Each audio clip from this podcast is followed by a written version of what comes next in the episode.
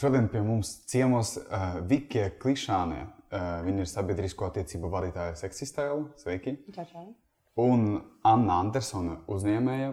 Arī es zinu viņu pēc uh, šo apģērbu zīmogu Be Weed, kuru tagad arī redzu. Un Riga Tech Girls vadītāja. Ja? Sveiki. Sveiki! Sveiki. Nu, mums šodien forša kompānija. Un runāsim mēs par pieskārieniem. Cik jūs nojaušat, tad mēs runāsim par tiešu un nepastarpinātu pieskārienu. Uh, jā. Jā, uh, ļoti. Mēs uzreiz varam pievērst uzmanību kaut kur tur. Ja? Nevaram nepievērst uzmanību.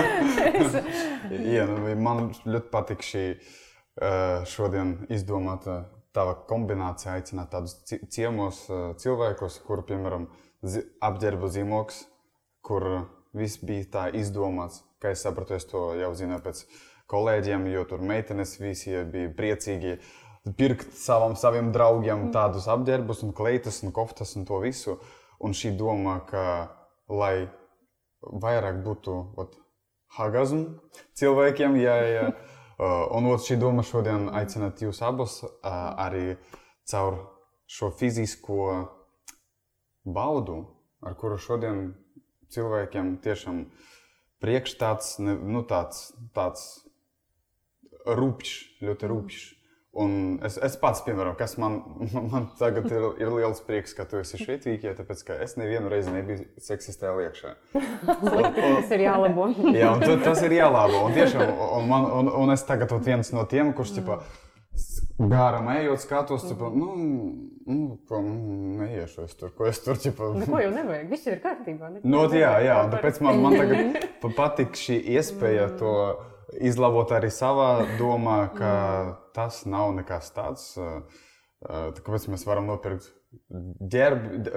drēbes, kuri palīdz mums hagazmu uztaisīt. Uh, un uh, vienu otru ap, apkamt, bet kaut kur ie, ienākt iekšā seksī stēlu, tas ir tā dzirdams no paziņām, ka tas ir, o, nu nē, nu, nu, nu nē.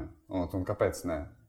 Ā, Es arī esmu saņēmusi par to, ka, ka, ka tas nav piedienīgi. tā- jā, jā, jā. tas ir bijis. Jā. Arī- Bet arī tāds retāk- veids. Bet retāk droši vien nekā seksīs. Tā seksīs tā droši vien ir. Trakāk. Jā, bet es domāju, ka tas ir arī viens. ā, Tu gribēji kaut ko jautāt? Nē, es tev jau jautāju, tiešām, ot, kāpēc tā? jā, jā nu man liekas, ka tas arī ir tas, ko mēs šodien, es ceru, ka kaut kādā veidā mēģināsim gan par to parunāt, gan, gan izgaismot, ka tā amplitūda mums katram, kur mums kas ir pieņemams un kurā brīdī mums kaut kas sāk šķist nepieņemams, jau būtībā ir ārkārtīgi, ārkārtīgi dažāda. Un es teiktu, ka pat diviem cilvēkiem sanākot vienā telpā un mēģinot izzināt, nu, šajā gadījumā to pieskārienu kultūru, kaut kā apzināt, kas man ir pieņemami, kas tev ir pieņemami, un kā mēs kopā kaut kā varētu gūt te patīkamās sajūtas caur pieskārienu, gan tiešā veidā lietojot mūsu ķermeņus, gan arī pastarpinātā veidā, iespējams lietojot kaut kādus objektus, priekšmetus vai reizēm arī to pašu apģērbu, kas mums arī veido pastarpinātu kontaktu ar mūsu ādu, mm. kas ir lielākais maņu orgāns, tomēr, kurš nodrošina mums vairumu patīkamo sajūtu mūsu ikdienas laikā, ka mēs mazāk, mazliet varētu paspēlēties šodien ar to amplitūdu, mm. cik dažādi viņi ir un cik reizēm tas, kas vienam šķiet ļoti nepieņemams, otram varbūt ir atkal tas, pēc kā viņš ilgojās. Un kā tas ir, piemēram, būt attiecībās, kurās mums ir jāvar kaut kā saprast, ko mēs ar to darīsim. Mēs varam ārkārtīgi vienkārši viens otru nosodīt. Un noteikti tad ir skaidrs, ka mēs tā kā smuku žogu pa vidu uzceļot, nekādā veidā sirsnīgi kopā būt nevarēsim. Bet mēs varam arī droši vien šīs mūsu nedrošības pārvērst par tādu kopīgu ceļojumu, kurā mēs viens otru izzinām un varbūt vairāk iedziļināmies, kādēļ mums tieši tāda veida pieskāriens, piemēram, ir svarīgs. Kas nu, no otras puses raugoties, var, var pavērst varbūt tādu plašāku skatījumu. Mm. Ot, es, es varu uzreiz arī uzdot. Jā, piemēram, tev, Anna, pir, pirmo jautājumu ar to, kā tev šī forša ideja atnāca, ot, lai ir vajadzīgs tāds terps, tādi uh, ot, koftas, kleitas, mm -hmm. ar tādu domu. Nu, tas bija tāds uh, ļoti garš stāsts īstenībā, kā es līdz tam nonācu. Un, uh, kā jau daudzas uh, jaunas idejas nāk no kaut kādām pārdzīvojumiem, grūtībām, mm. ko mēs piedzīvojam. tad tā bija arī man. Un, man ļoti paveicās, ka teiksim, nu, mēs ar vīru kopā dzīvojot, arī bijām nonākuši kaut kādā krīzes punktā, bet mēs no tās krīzes tikām laukā. Un tas bija tāds liela veiksme. Un tad, kad tas notika, es biju ļoti priecīga, bet es sāku domāt, kā tas notika. Nu, kāpēc, kāpēc mums par tā krīze iestājās un kā mēs vispār tikām no viņas ārā. Un, uh, tad es uh, lasīju daudz pētījumus par attiecībām, kā viņas uzturēt ilgtermiņā. Mm. Un tur daudzos pētījumos pēc kārtas parādījās, ka ikdienā svarīgs pieskāriens, pieskāriens, pieskāriens. Un es sapratu, ka tas, kas mums bija tiešām noticis, bija tas, ka mēs bijām zaudējuši absolūti šo pieskārienu, savstarpējo um, aizņemtības, skrējiena, stresa nomākti. Un tad uh, bija šis, šī situācija, kurā mēs atradāmies pēkšņi kopā vienu mēnesi blakus, un tas pieskāriens pats par sevi veidojās un, un, un, un atrisinājās. Un mēs atkal atradām to savstarpējo kontaktu. Un tad es, es domāju, nu, kā es varētu, nu, es esmu uzņēmēja, šis man liekas ļoti svarīgs atklājums, ko es esmu priekš tevis atklājis. Kā, nu, kā, gudrs, izglītots cilvēks, bet visu mūžu nezināju, ka tas ir svarīgi. Un tad es to atklāju. Es domāju, man par šo ir jā, jāstāsta arī citiem, jo varbūt citiem ir līdzīgi. Un, eh, un kā es to varētu darīt, kā uzņēmēji? Kādu produktu vai pakalpojumu es varētu radīt, kas atgādina par šo pieskārienu nozīmi? Un uh, tad es domāju, ka, ja, kas ir tas, kāpēc mēs nepieskaramies viens otram? Tad tā, nu šeit, ziemeļos, mēs dzīvojam gandrīz visu laiku. Mēs esam no galvas līdz kājām apģērbti. Uh, Un patiesībā mums pat nav tās vietas un iespējas to pieskārienu veidot. Nu, izņemot, kad mēs nonākam gultā, mm. kad jau varbūt ir baigais nogurums, domas par to, kas ir. Tas ļoti bieži atvainojas, ka pārtēlts, bet jau kļūst patiešām tendenciozi seksualizēts. Nu, Jā. Ko mm -hmm. mēs arī varētu mm -hmm. mazliet to robežšķautni mm -hmm. šodien mm -hmm. kaut kā definēt, kur tad pieskāriens mums vienkārši ir mīļuma, maiguma un tuvības izpausme, un kur viņš patiešām jau sāk liecināt par mūsu seksuāliem nodomiem. Mm -hmm. Un cik ļoti nozīmīga ir tā drošības sajūta ka tam nav obligāti jāturpinās vienam ar otru vai arī no otrādā. Mm -hmm, mm -hmm. Tieši tā. Un, uh, un tad es, es, es pilnīgi atceros, kā tas notika. Es gulēju gultā un domāju, kā es, es varētu rādīt, kas varbūt tas. Mēs tam visu laiku apģērbti. Tad es tādu, ah, ja nu būtu tāds apģērbs, ar kur var pieskarties otram cilvēkam. Un tad šī, nu, es aizgāju gulēt, un tad es pamodos, man šī doma nelika mierā. Es mm -hmm. laiku domāju, domāju par to, un sāku stāstīt saviem draugiem sāku nu, stāstu, jā, ka man ir ideja par tādu apģērbu, ar kuru varētu otram pieskarties. Viņi tā kā, oh, šis ir kaut kas rīktīgi interesants. Tev, Anna, šis ir jādara. Nu, pamēģini. Es tā, nu, ok, nu, ja draugi tā kā tādi entuziastiski atbalsta, tad, nu, labi. Un tad es sāku taisīt pirmos prototipus. Un arī pirmā kleita, ko es uztaisīju, viņu nu, atnesu mājās, uzvelku mugurā un gatavoju vakariņas. Aha. Jā, man bija uz muguras jā, tā kabatiņa. Un atnāk mans vīrs mājās, un viņš tāds - tev mugurā ir tas. Jā, un viņš uzreiz izmēģina, un es saprotu, vārds šis strādā. Nu, tā kā arī tā strādā. Un tā es sāku viņus taisīt. Jā.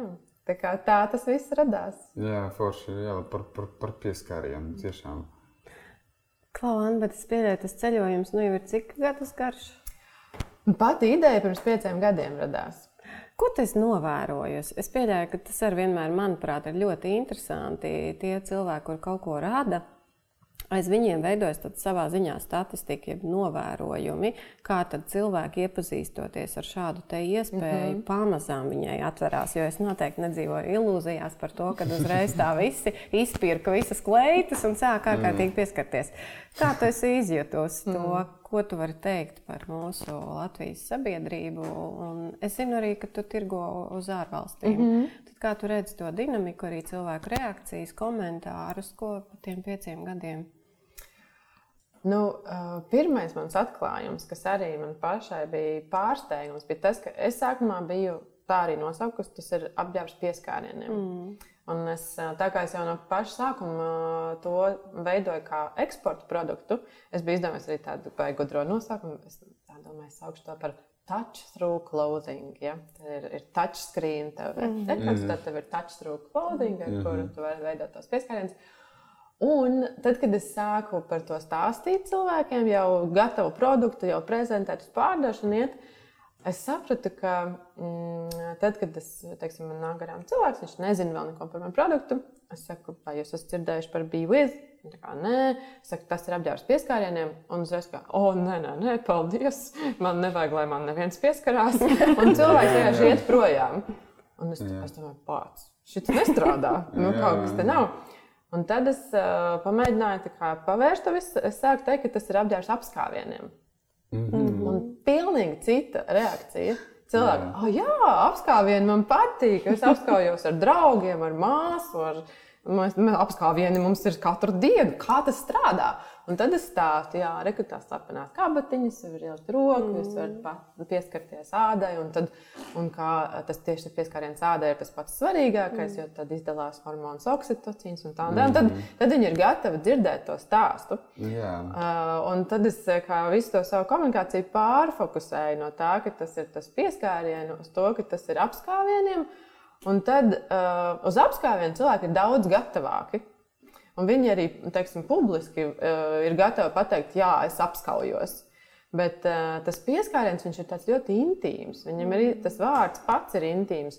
Un, um, un cilvēki tad ir tāds, ka nebūs tā, ka es braukšu tramvajā un man tur kāds mēģinās pieskārties. Tas ir interesanti, kādam dievs tā ir gadījies. Es, es tieši domāju, ka, vai, nu, vai- jums regulāri tramvajā kāds mēģina pieskarties? Nu, tā kā, Tas jau ir interesanti. Jā, nu, jo principā, ja cilvēks ļoti grib tramvajā pieskarties, viņam nebūs šķērslis tas, ka tev ir kaut kas mugurā. Viņš tur atradīs. Bet viņš nemeklēs droši vien speciāli šo te apģērbu. Nu, jā, Jā. tā kā tāds ir tas, ā, tas vien, viens, viena tā mācība lielā. Viens vārds, un jā, kā jau, kā jau priekšstāti maina cilvēkiem. Jā, jā. Nu, Jā, šeit mēs runājam par, par it kā apģērbiem, bet, mm. piemēram, Vikija. Man liekas, šeit jau nopietnāka situācija, piemēram, ir nopietnāk. Šīs kabatiņas ir nopietnākas. jā, kā mūsu publika, latviešu publika tiešām ir. Kāda, kā, kāda ir pieredze, lai tā, piemēram, pastāstītu pēc vērojumiem, kā mūsu auditorija uh, reaģē uz seksistēvu produkciju? Hmm. Milzonīgi plašs jautājums. Tas ir, um, tur ir jāskatās, kurā kontekstā, kura produktu kategorija, kuri cilvēki. Jo tie Jā. cilvēki ir tik daudz un dažādi. Un tad es varu teikt, nu, ka tur varbūt starp jauniešiem ir tādas tendences, starp tur tādu paudzi ir tādas tendences, tad tur varbūt vecākiem cilvēkiem ir kaut kādas intereses. Un, un nav iespējams tā ļoti vispārīgi teikt. Jā, jā, jo man, jā. cik, man parasti vienmēr prasa, nu, kā ir latviešu pērk, latviešiem patīk. Tā, nu, vispārīgi jā, Jā. bet nav iespējams nekad pateikt uzreiz tādus tā kā, kaut kādus procentus, Kaut- statistiku vai kaut kādā vienā īpašības vārdā to visu noraksturot. Jā, labi. nu, ir labas tendences, protams, ir labas tendences. un Man ļoti patīk teikt, ka ir tādas foršas, stabilas, labas tendences. Jo tā viena reize, kad cilvēks ar kaut ko jaunu iepazīstās, vienalga, cik ļoti viņam vajadzēs tur saņemties, lai pārkāptu tam slieksnim, jo citiem ir vienkārši tā savējās, ah, nu, loģiski, es aizēju, nopērku, nav nekāda problēma. Un citiem mm. vajag gadiem saņemties, varbūt pat nomainīt partneri vai tikai daudz gadus izdzīvot, līdz viņi vispār saprot, ka tā kā, varbūt tur tomēr ir jāaiziet, varbūt Jā. tomēr vajag. Bet tas, tas pozitīvais ir tajā, ka jau no tās vienas reizes, ja produkts ir bijis plus mīnus kvalitatīvs un ir pareizi izmantojuši cilvēki, tad tas vienkārši aiziet un nenāk atpakaļ vairs. Aha, Tas nozīmē, ka viņi saprot, ka ir labi, ir forši, man tas palīdz, man tas dod kaut kādas papildus sajūtas, un tad vairs nenāk atpakaļ. Nu, nav, nav tāda tā kā atpakaļēja kaut kāda. Tas. Jā. nozīmē, ka tā cilvēka intereses līkne ir tā ļoti stabila un tā visu laiku tā vēnītēm uz augšu. Un nav tāds, ka tur nezinu, vienā sezonā rīktīgi visiem vajag, tad pēkšņi vienam nevajag, tad, tad atkal ir kaut kas tur, kaut, kaut kāda reklāmas kampaņa, viss uz augšu. Tad cilvēks saprot, ka ne, kaut kas nestrādā atkal uz leju. Un tā stabilitāte ir forša. To var just. Jo tad ar katru reizi, kad nāk, jau tad ir vairāk un gribās vairāk, un kaut kas jau ir paticis, Jā. jau ir kaut kādas tur atsauksmes, vai, vai ir skaidrs, kas vismaz pašam patīk, ko gribās, piemēram. Ar pajautāt mm. cilvēku, kurš nebija tur, Mhm. piemēram, mm -hmm. ot, ot, lai man saprastu, mm -hmm. kāpēc man tur ir jā, jāiet. Piemēram, šodien ir ļoti Tev attīstīta. noteikti nav tur obligāti. Nē, bet varbūt, varbūt, varbūt, vajag. Es varbūt nezinu, tu varbūt es to nesaprotu. Jā. Jā, piemēram, šodien ir ļoti attīstīta, un tiem bolē tagad ar šo pandēmiju, mm -hmm. cilvēki var visu pasūtīt. Tā paskatīties internetā, tā savā istabiņā, mm -hmm. tā kaut ko, ot, to ņemšu, bet nezinu, jā, nē. Bet, bet protams, ja cilvēks dzīvē atnāks tur, mm -hmm. Nu viņš var, kādas tur ir vēl ir opcijas, nu, lai būtu atšķirīgi. Vai es varu no mājas pasūtīt mm -hmm. kādu produkciju, vai labāk atnākšu, lai varu paskatīties mm. kaut ko tur sajust. uh, piemēram, ja tā, es nezinu, kas tur vispār iekšā ir. Mm -hmm. uh, Nu, atbildot uz to pašu sākuma jautājumu, kāpēc vispār iet uz turieni, jo cilvēkiem arī ir tāpat kā par to vārdu pieskāriens, uzreiz tā, tā, tā, tā baila nedaudz. Uh, Tad uh, viņiem liekas, man jau nav problēma, man jau viss kārtībā, man nevajag uz turieni iet. Jo neskapēc ir joprojām tas stereotips, ka nu, tur jau ir tikai tie, kam kaut kā trūkst. Aha, aha. Nu, kad, ja man nav vīrieši, tā tad man vajag vibratoru. Un, attiecīgi, ja man nav dāmas, tā tad man vajag kaut ko, lai tā kā sevi apmierinātu apmēram. Vai arī, ja man tur kaut kas disfunkcionē, tad man vajag kaut kādu tur maģisko tabletīti vai kaut ko uzsmērējumu, uzpumpējumu un tā tālāk. Uh, nu, tie, tie ir tie viedokļi, kas diezgan nomāca visu to, visu to vispār citiem cilvēkiem. To, uh, to sajūtu, nu, ka tur varbūt var iet nevis tikai tāpēc, lai kaut kādu problēmu risinātu, bet pat ja mums ir labi, mēs varam izdarīt tā, lai mums ir vēl labāk. Mm -hmm. Un tad es parasti to jautāju, kāpēc man tur jāiet, atbildu, vai tu nevēlies, lai tava intīmā dzīve ir vēl labāka, un tā mhm, dzīves kvalitāte ir kā, nu, vēl, vēl augstāka. Jā, jā. Vai lai um, dažādot pieskārienu amplitūdu, mm. kvalitāti, mm. intensitāti. Jā. Es ļoti Jā. labi atceros pat no savas pieredzes, atbildot varbūt daļai uz to jautājumu, kāpēc nevis pasūtīt internetā, bet Jā. tomēr aiziet uz veikalu pie dzīva cilvēka. Un paņemt jebko, ko es vēlos pirkt vispirms rokā. Es atceros, cik mm. brīnišķīgi, piemēram, seksīs tēla pārdevēja man nodemonstrēja, kā strādā womanizers. Ļaujot mm. man viņu pielikt pie deguna gala. Humanizers ir. Gribu paskatīt uzreiz, lai ir skaidrs, par ko ir runa. Jā, tas ir ieslēdzies. Rekur ir. Ieslēdz? Mm -hmm. Reku tu vari pielikt pie deguna gala, tu sapratīsi, kas tas tāds ir. Jā, mm -hmm. jo deguna galā ir nervu gali. tas ir sievietes klitorā. un tā jūtas sievietes, ka viņi pieliek tur, kur vajag pielikt. Jā, tas uzreiz. ir klitorālai, klitorālam kārinājumam. Un uh, tas bija kaut kas, kas absolūti man uzreiz radīja sensuālu sajūtu, vai man jā. to vajag vai nevajag. Jo jā. tā, nu, ko es pastos, kā viņš izstāsta, man jau nav ne jausmas. Jo pārsvarā lielākā daļa vibratoru, ko viņi dara, viņi vibrē. Tas nozīmē, ka tu viņu tieši pieliec, jā. un viņš tev tur arī cīnā. Ar šīm ir pilnīgi savādāka sajūta. Man liekas, ka tas ir tas arī vienalga, vai es eju tur pirkt pātadziņu vibratoru, mm. būkas vai mm. ķēdes vai, vai jebko. Runājot par pieskārienu, ļoti bieži mūsu iztēlē. Mm, atšķirās tas, kā mums liekas, kā tas jutīsies jā. no dzīves, kad man reāli to sajūtu, jā, piemēram, metāla augstumu, mm -hmm. nu, kas ir aizejot uz, uz BDSM, mm -hmm. visām tām istabām vai ķēdēm vai, mm -hmm. vai jebkam, mm -hmm. ka tas var patiešām mainīt. Un, man liekas, priekš kam uzturēt patērētāju kultu, pērkot kaut kādas jā. lietas, kuras varbūt mums absolūti nebūs mm -hmm. vajadzīgas un nederēs.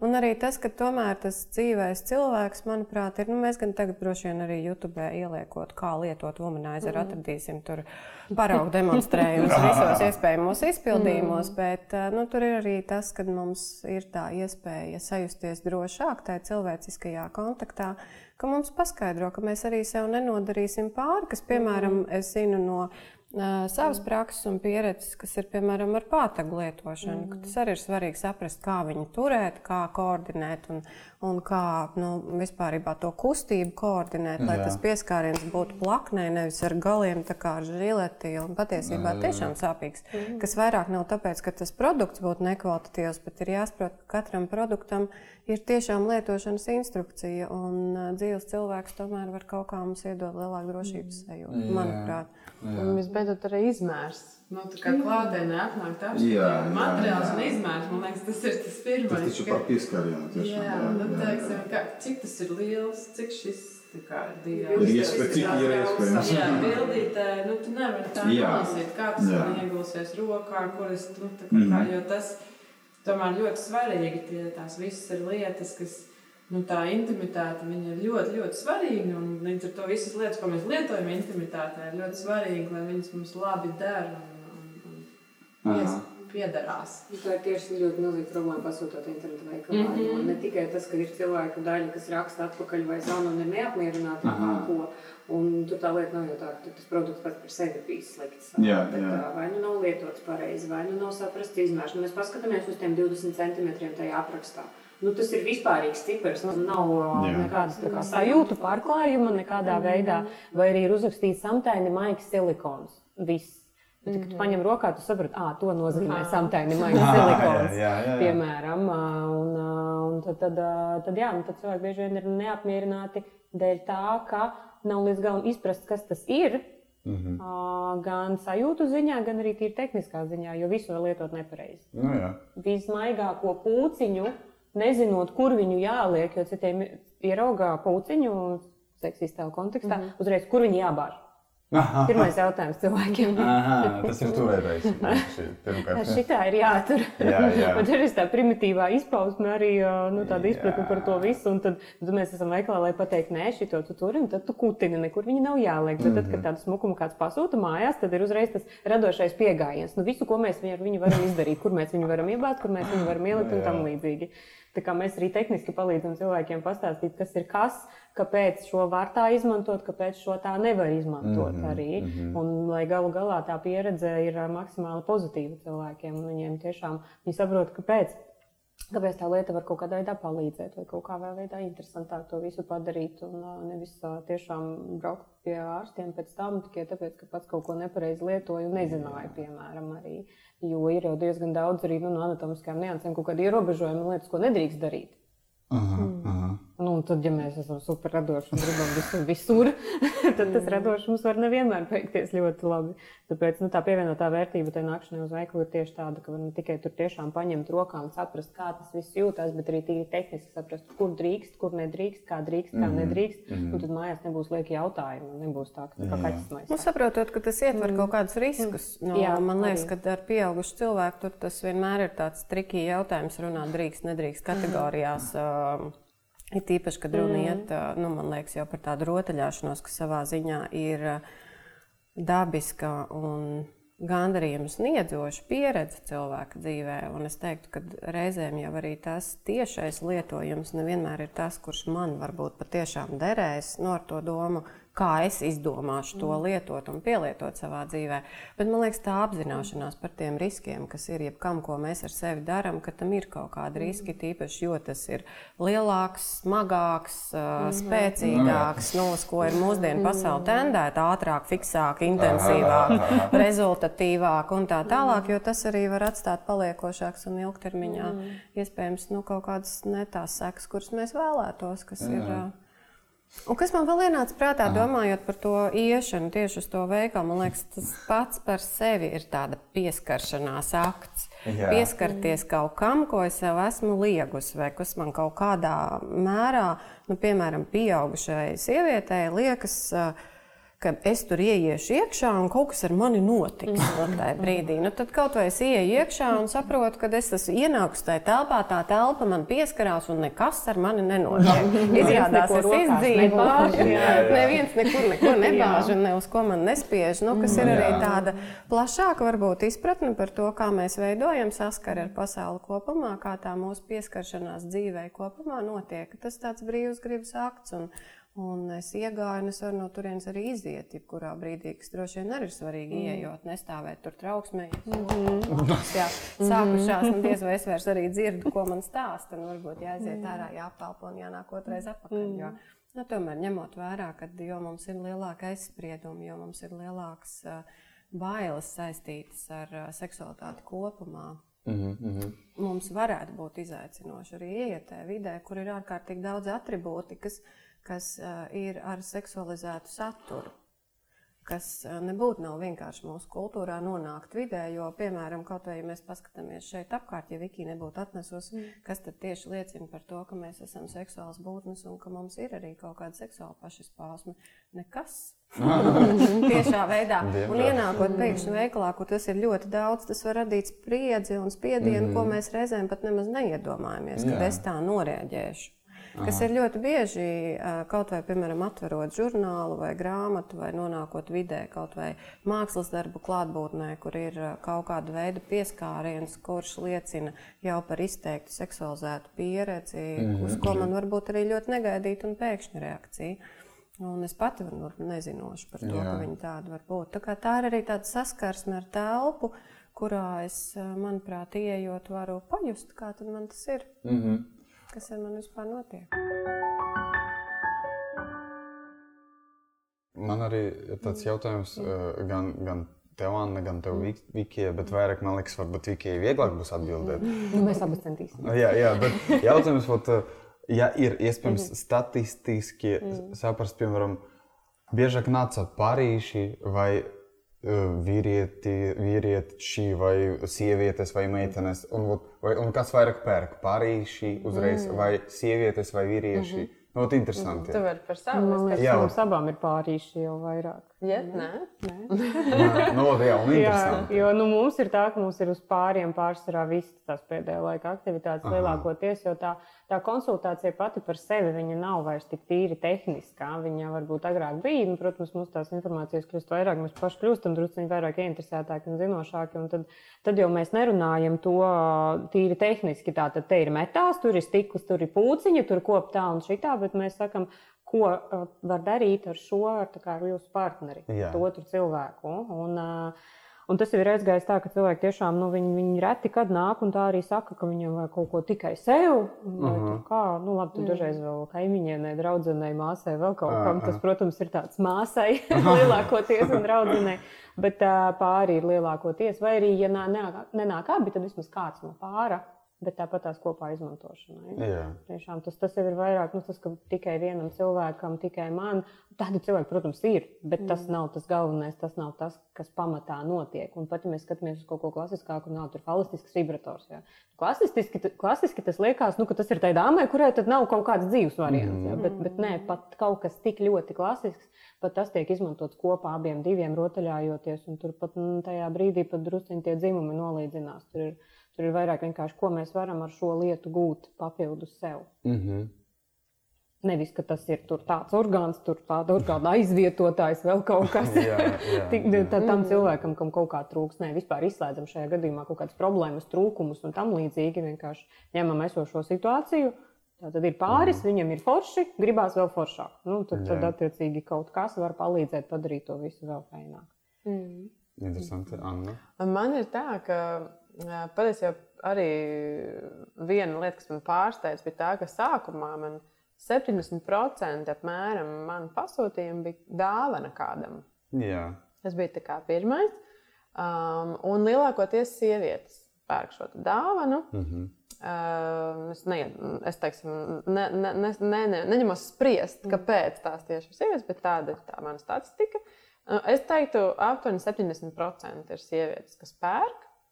Bet ir arī šie te 30% no visiem klientiem, kas ir vīrieši, kas arī pamatā pērk kā dāvanu savai sievietei. Mm -hmm. Mm -hmm. Uh, jo nu, tā patiesībā ir uh, nu, tāda īsta sāpe, ko uzdāvināt savai, ot- savam nu, partnerim. Tagad uh, mums ir kāza jubileja, ko uzdāvināt. Viņai dzimšanas diena, viņam dzimšanas diena, Ziemassvētki.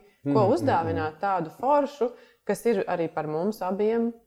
Un tad, tad tur tas mans apģērbs forši trāpa. To, ka pirmkārt tā ir praktiska lieta, ko var ikdienā valkāt. Nu, arī nezinu, tur ērta, Jā, viegli kopjam, viss tas. Plus arī tur nāk klāt šis te, nu, emocionālā ziņa. Jā. Es mīlu tevi, es gribu tevi apskaut, gribu, lai mums ir kopā ir forši. Jā. Tas viss tur ir iekšā ietverts, un tāpēc tā ir forša dāvana. Bet tad nākamais solis, kad nopērk kā dāvanu, uzdāvina, tad saprot, ka bācis ir rīktīgi forši. Es arī gribu sev. Un tad nāk un pērk sev. Nu, tā kā, Super, tas jā. ir tas uh, parastais, parastais ceļš, kā tas viss uh, sākas. Bet citreiz arī nāk uzreiz pērk, uh, nu, uzreiz abiem un tā. Uz Ziemassvētkiem, piemēram, bija viena tāda tendence, ka uh, pērk kā dāvanu pārim, vai arī uz kāzām pērk kā dāvanu pārim, uzreiz komplektiņu. Mm -hmm. Uh, bet man ir bijušas arī tādas situācijas, kas nav retums, kad atnāk sieviete sev pirkt kleitu, viņai patīk, viņa uzvēr viņu, un tad ir līdzi vīrietis, un vīrietis kā, nu, bez šī garlaikots, un, nu, pamēriet, rekur to, to, to, un tad uzvilk tā, oh, jā, bācis īstenībā riktīgi forši. Nu, tā kā, un tad arī nopērk. Tā kā, jā, tā arī ir bijis Nu, jā. Protams, jā. diezgan bieži. jā. Jā, es tā aizdomājos par to vispār pieskārienu, kā kaut ko, ko mēs arī mazliet dzimumu stigmatizējam. Jā. Kas arī droši vien ir ļoti saistīts ar to, kurš ko pērk un kurš kurā Mm. virzienā vispār domā. Nu, ar to domu, kurš kaut vai par partnerattiecībām domājot, vispār ir tas, kurš tajā partnerattiecībās aizdomājas ka mūsu pieskārienu kultūra varētu būt plašāka vai dažādāka, mm. vai mēs varētu atgādināt sev, ka viņai mm. kaut kādai vajadzētu būt. Nevis viņa ir tas dzimumakts kaut kā mm. tur kaut kādas reizes, bet tomēr nu, tur ir kaut kas, kas to rīta buču vai, mm. vai mm. apskāvienu saka, papildina līdz tam, ka kaut kādā iespējams, ka tas dzimumakts tur arī ir, bet tas nav tādi. Nu, tāda, kā lai saka, tik milzīgi pārāvumi tajā mūsu pieskārienu kultūrā un cik ļoti mēs ikdienišķi mm. varam viņu dažādot. Jo es nedomāju, piemēram, ka kaut vai tā pati mm. pūku tā Mm. Tas pušķīts ir kaut kas, kam ir automātiski jābūt ļoti ar seksualizētu mm. mēsīču, bet cik ļoti mums ikdienā runājot, vismaz arī mm. savā darbā ar cilvēkiem, cik ļoti mums trūkst vienkārši sirsnīga, maiga, jutekliska pieskāriena, kas mums Jā. nu, palīdz arī. Būtībā pieskāriens ir stresa mazinoša praksa ar to domu, ka mūsu trauksmēnajā dzīvesveidā, kur mēs esam tik ārkārtīgi mērķi orientēti un visu mēģinam ietilpināt ārkārtīgi mazā laika nogriezienī un vēl pārklāt viņu vēl ar piecām darbībām, nu, kā, lai maksimāli izspiestu no sevis mm -hmm. ārā mhm. visu cik ļoti savā ziņā tā, tā ir tāda nu, instruments, kurš mums varētu būt daudz plašāk pieejams un savā ziņā pat rehabilitējošs un mm -hmm. to mhm. mūsu ikdienas līdzsvarojošs, ja mums būtu visādi tie pričendāļi, mm -hmm. nu, kā lai saka, vai arī tas pats apģērbs ar vairāk jēgu, kur mums palīdz atgādināt, ka mēs Jā. esam pašregulējošas būtnes ka būtībā kaut vai atcerēties, sev pieskarties, iespējams, es ieraugu to kabatu, Un tajā brīdī es atceros, ka kaut reiz mm -hmm. bubinu uz to savu vīru. Es tomēr varu varbūt arī viņu apskaut tajā pašā brīdī. Yeah. Un bubināt tālāk, ja man vēl baigi gribās. Tad pārsvarā tas strādā tā, ka man ātri pārstāja gribēties bubināt. yeah. yeah. Yeah. Kas manuprāt ir jauki. Jā, šis, šis ko tu sāki, ir ļoti patiesi. Jo stereotipu šeit ir daudz, un uh, es esmu saņēmis daudz komentāru par to, ka oh, nu tā, tā jau tāda sieviešu lieta, tas jau sievietēm mm, tikai vajadzīgs tie pieskārieni, ka, kur es Nu, tā kā pilnīgi nepiekrītu. Vīriešiem ir jā, tikpat vajadzīgs, iespējams, pat vēl vairāk vajadzīgs. Jo kaut kā sievietes mums ir ieaudzināts, ka mēs, mēs drīkstam tur apskauties, visādi tur darboties. Vīrieši tomēr ir daudz ierobežotāki mūsu sabiedrībā. Mm. Nu, es teiktu, ka es varbūt tomēr pielāgošu šeit. Mums ir ieaudzināts, ka mēs drīkstam apskauties ar bērniem ar kaut kādām tuvām sievietēm. Jā, jā ar tuvām sievietēm. Vīriešiem. Protams, jā, jā, jā. Nē, es nezinu savu partneri, ja man nav pareizais noskaņojums, vai jā, viņam nav pareizais jā. noskaņojums. Tā kā tur tas arī būs vīrieši noteikti daudz vairāk audzināti, būt fiziski aktīvi, mm, mm. radīt pieskārienu. Daudz brīvāk. Nu, arī čomam es varu uzsist pa plecu, jā, jā. un sievietēs var apķerties visur, kur man ienāk prātā, nav, cik es viņu viennozīmīgi. Mm. Tāpēc, tā ir tāda savas, savā ziņā stereotipiskā vīrišķības performēšana, kas neciena citu cilvēku robežas. Nu, mm. Tāpēc jau mēs tomēr nerunājam par, par šo sievietes neaizsargātību publiskajā telpā pret pieskārienu, jā, kur mēs nerunājam tik izteikti. Man liekas, ka tas ir, man liekas, ka tas ir tāds bišķiņ tā kā pagātne. Un, ka, nu, nē, nē, tā, neteiktu, bet, nē, bet varbūt tā, līdz tas... pagātnē mm -hmm. ir. Vēl normalizējam ļoti daudz ko. Arī partnerattiecībās. Es neteiktu, ka sievietes tā skraida pašas pa savu māju. Vismaz, nu, man nav tāds novērojums partneri aizskardamas kurā mm -hmm. brīdī kaut kur negaidīt, kad viņām ienāk prātā, kā lielākā daļa partneru to joprojām piekopj. Nu, kā, mm -hmm. Ar to domu, ka tas kaut kādā veidā liecina um, par ārkārtējām nu, tādām sirsnīgām attiecībām. Tā mm. Tur mums ir tā dažāda audzināšana. Tur, tur es tev pilnīgi piekrītu, jā, jā, ka tas. Uh, audzināšanā mums nav mm. tas, tas, tas ieaudzināts. Un, bet jā, nu man ir bijis šis komentārs, jā. ka tas tā kā vairāk ir sievietēm, kuras mm -hmm. es negribu piekrist. Uh, un tad vēl uh, arī citi uzreiz to seksualizē. Nu, kad, ah, nu, tas jau tāds priekšspēles, tā kā um, apģērbs bezmaz vai. Uh, un, uh, un es esmu visu laiku domājis par to, kā šo pozicionēt, vai man iet tajās uh, seksa virzienā vai nē. Uh, Jo man sākotnējā ideja absolūti nebija par to seksualizēto pieskaņu. Vairāk bija par šo te, uh, intimitātes veidošanu arī ārpus guļamistabas, ka tu vienkārši nu, tu veido saikni ar cilvēku. Um, un, un ir tiešām jā, bijuši šie, te, šie te attieksmi, komentāri, nu, ka tas ir uzreiz tā kā tas to seksuālo virzienu. pret ko es neesmu pret. Katrs var izmantot kā grib. Nu, kā, protams, ja mums ir vajadzīga šī priekšspēle publiskā telpā, nu, vai teiksim, sagatavošanās, uh, un, un negribās, lai citi varbūt to novēro, bet tomēr gribās to veikt, mm. to var izmantot. Šis apģērbs brīnišķīgi tam piemērots. Bet uh, tas nav, katrā ziņā tā nav bijusi manas tā sākotnējā ideja. Mm -hmm. Jā, seksualizēts pieskāriens skan interesanti. Tāpēc, kur pieskāriens sāk vai beidz būt seksualizēts. Tur, kur mēs piešķiram viņam erotisku jēgu, tik Vo. tiek vienkārši, manuprāt, Vo, tas arī jā. ir. Jo pats par sevi pieskāriens ir pieskāriens. Savukārt, erotisku jēgu viņam piešķir cilvēks. Jā, kā uztverts. Jā, jā, un, mm. protams, ka otrā pusē tas būs tieši tāpatās, jo ne visi pieskārieni man uzreiz automātiski šķitīs seksualizēti, kaut arī iespējams nolūks tam cilvēkam, kurš man pieskarās, būs uh, seksualizēts. Bet, uh, mm -hmm. Tas man liekas ļoti bieži tāda komunikācijas kļūda, kur mēs arī aizējam Jā. aizsardzībā vai aizvainojumā, kur wow. mēs uh, domājam, ka nu, būtībā, kā lai saka, iekārtas process pats pēc būtības nav kaut kas, kas pakļaujas cilvēku brīvai gribai. Tāpēc tajā brīdī, kad es pēkšņi sajūtīšu pieskārienu kā kaut ko, kur jau man liekas, ka tas ir erotiski, es īsti pati nevaru zināt. Tāpēc īsti nu, tā uzbrukuma sajūta, es teiktu, reizēm ir arī ļoti nevietā. Manuprāt, tādam seksuāli apzinātam cilvēkam mm, ir iespēja novērot sevi, kurš šis pieskāriens no vienkārši mīļa, un maiga un sirsnīga pēkšņi iegūst erotisku uh mhm. -huh. nu, sajūtu. Un tas varbūt ir kaut kas, ko es mācos ar laiku, nokomunicēt arī ar partneri, lai nav tie pārpratumi, ka tu jau man pieskaries tikai tad, kad tu gribi seksuālu tuvību. Mhm. -huh. Tāpēc labāk man nepieskaries, kas ļoti bieži ir šī reakcija. No otras puses, ja nav intereses tajā brīdī pēc tās seksuālās tuvības, tad nepieskaries man mm. vispār nekādā veidā, jo tad es dodu piekrišanu, ka es arī piekrītu tai seksuālajai tuvībai, bet tā kā es mm. šobrīd par to nedomāju, tad es pārtraucu.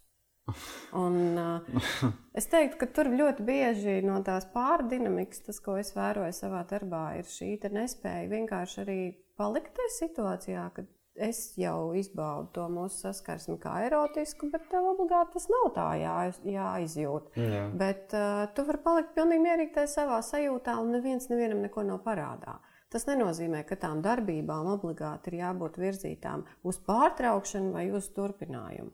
Tas viss būs atkarīgs no tā, par ko mēs varam vienoties. Jā. Nu, jā. Un, Un tur prasās pēc komunikācijas ļoti bieži. Mm. Man liekas, tieši tur atdalīt, kur mēs katrs esam un ko mēs varam vienā mirklī būt uz ļoti dažādiem pakāpieniem. Tajā, cik intensīvi un kā mēs izjūtam to saskarsmi. Jā, jūs baigi, nu, tagad nesen runāju ar vienu krievu režisoru, sievieti.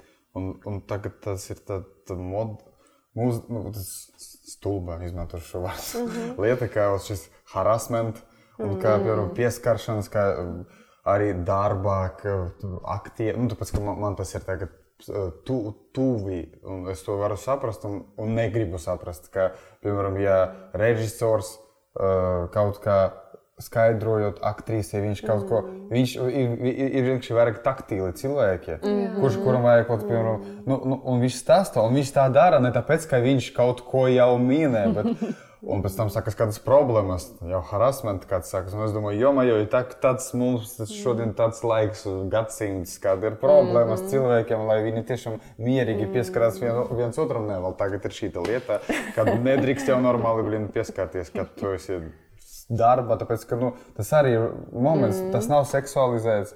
Tas arī Kristīna pabrīžī mēs kaut ko teicu, viņa jā, un daru tā. Un pēc tam, jā, un Pirms kādu laiku es vēl domāju, oi, oi, ko es, ko es izdarīju. So, tagad harassment bija točs.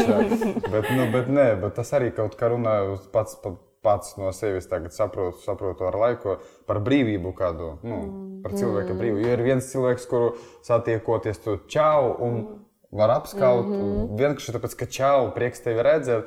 Otrs, ja tu tā pamēģini ar viņu, viņš uzreiz tipā, kas, kas tas nozīmē. Mm -hmm. un tad, nu, labi, bet žēl kaut kā.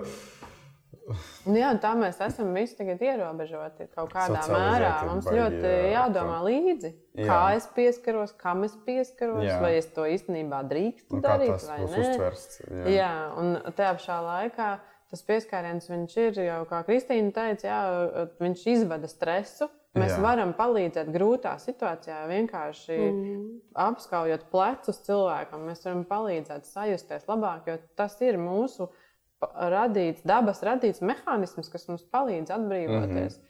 Un mēs ar tādiem likumiem, un bailēm un to visu mēs ierobežojam šo savu spēju pašregulēties. Jā, bet vienīgais es piebildīšu, ka tas jau redz, um, nu, būtībā jau kāpēc šis viss aktualizējās. Mēs tomēr mēģinām planētu padarīt mazāk agresīvu, mazāk vardarbīgu. Mm -hmm. Un līdz ar to es saku, tas vienmēr būs komunikācijas jautājums. Tajā brīdī, kad tu man pieskaries, ja man tas ir nepatīkami, es esmu atbildīga par to, lai es daru tev to zinām. Jā. Nevis tu esi atbildīgs, nu, kā lai saka, kaut kā visu laiku baidīties no manis. Jā, jā, nu, jā. kā lai saka, iet uz kontaktu un rādīt to, kas tajā brīdī ir nepieciešams mm. tev, un Jā. kas varētu būt arī patīkami man. Bet ka es arī esmu kā aktīva puse, ja tas man skar, ka es arī nāku ar to savu brīvo gribu. Jo mums nekad pieskāriens nebūs patīkams, jo tā ir tīra arī tāda neiroloģiskā īpatnība, ka mēs nevaram izbaudīt to, ko mēs negribam. Un ļoti bieži mēs pārsteidzam viens otru ar pieskārienu, kurš varbūt ir kaut kādā ne tādā intensitātē, kā mēs tajā brīdī um, jūtamies. Tas mūs vairāk sabiedē nekā nomierina. Tāpēc tas brīvās gribas akts, kad es sajūtu to pieskārienu, un tad es viņam tā kā piekrītu. Un, ja es viņam nepiekrītu, es automātiski uzņemos atbildību, ka es viņu pārtraucu. Būt, jā, ok, viss kārtībā, vienalga noņem roku vai cilvēkam palūdz, mēs, vai mēs varam turpināt sarunu, bet bez saskarsmes, jo tas mani padara nedrošāku nekā es jau biju pirms tam. Es domāju, ka tas, kas šobrīd mūsdienu kultūrā ir tas neveiklais moments, mēs esam pirmo reizi attīstījušies tik tālu, ka mēs sākam par to runāt.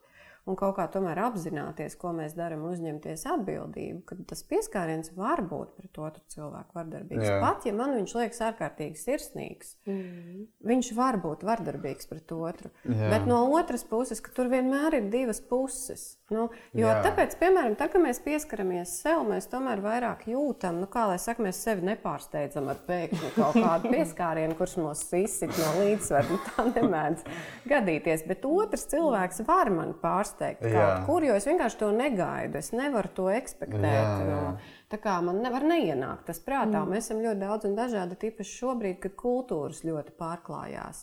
Nu, es teiktu, Latvijas Latvijam arī pieskarsies savādāk nekā, piemēram, ienāk francūzis un uzreiz man bučo trīs Jā, reizes bizu, uz uzreiz. Kur, nu, Jā, es to Francijā. jūs pirmo reizi, nu, ir savā ziņā mulsinoši. Jā, jā, jā. jā. Un nav jau nepatīkami, bet tas ir mulsinoši. Tad ir no, nozīme tam, kā es tai savai nervu sistēmai ļauju pieņemt to jauno pieredzi. Jā. Un man ir jāpiekrīt viņai. Un tas nevienmēr ir ārējais akts, tas var būt arī iekšējais akts, mm. -hmm. kur es vienkārši, ok, es turpinu to, kas te notiek, man tas dara. Un man liekas, ka tas ir kaut kas, par ko mēs vēl pārāk maz publiskajā telpā runājam. Kad, uh, Mēs jau varam visu laiku baidīties no, vai turēt tās robežas, bet es neteiktu, mm -hmm. ka tas mūs padara par, nu, kā lai saka, pašregulētākiem, mierīgākiem, harmoniskākiem cilvēkiem. Drīzāk pat vairāk tādiem stresainiem, nu, kurā brīdī ko es drīkstu vai nedrīkstu. Bet tas, ka mēs neesam tomēr līdz šim mācījušies ņemt vērā to, ka katram cilvēkam ir tiesības izvēlēties, iekš kā viņš piedalās un iekš kā viņš nepiedalās. Jā, jūs uzreiz ka nesen bija situācija, ot, ka a- aktrise, eh, viņa bija filmēšanas ar aktieri, ar vīrieti. Jā. Viņš bija vecāks par viņu, un viņa bija kāda tur aina, kur, kur jābūt tuvi, tuvībai. tuvībai mm -hmm. Un intimitātei kādai. Nu, bet tā, drēbes un tas viss.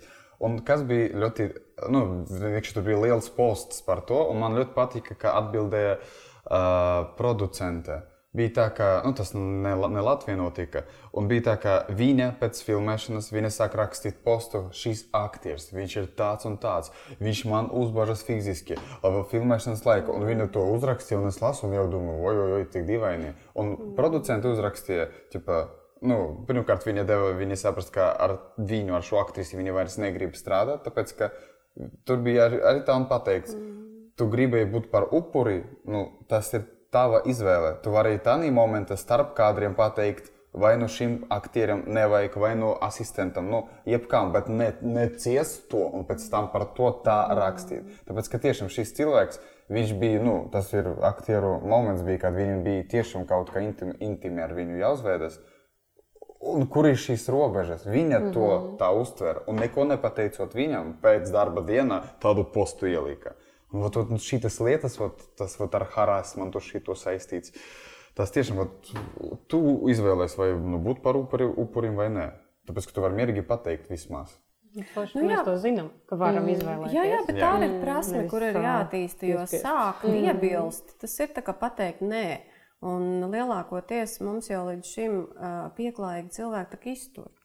Neiet uz doli, tad, kad viņiem vajag, neiet prom no izrādes, tā kā jau ir nogarlaikojušies. No, Un bučot tās tantes, kuras negribās. Jā, ļauj, lai es jau no bērniem šitā te visu laiku rausta. un Tās bērnības traumas ir milzīgas, līdz, pat mēs saskaramies pēc Protams, to līdz ar to darbā. mūsu robežas ir ļoti pārkāptas. tā kā Es domāju, ka tas ir dabiski, ka mēs šobrīd ejam tādai neveiklībai arī cauri.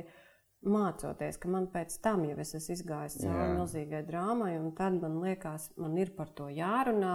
Un tad, kad sanāk, ka es runāju no upura pozīcijām, bet mm. būtībā iespējams, ka man arī nepietika drosmes vai atbalsta, vai, mm -hmm. vai es pat neapzinājos kaut kādā aspektā, mm. ka es pati arī tur biju kā dalībnieks tajā situācijā, Jā. nu, kas arī ir tādā, tāda jauna. Klau, Viki, kā jūs šo sajūtat uh, veikalā? Man ienāca prātā, jo tur arī ir tāds, man liekas, trikī vienmēr. Mm.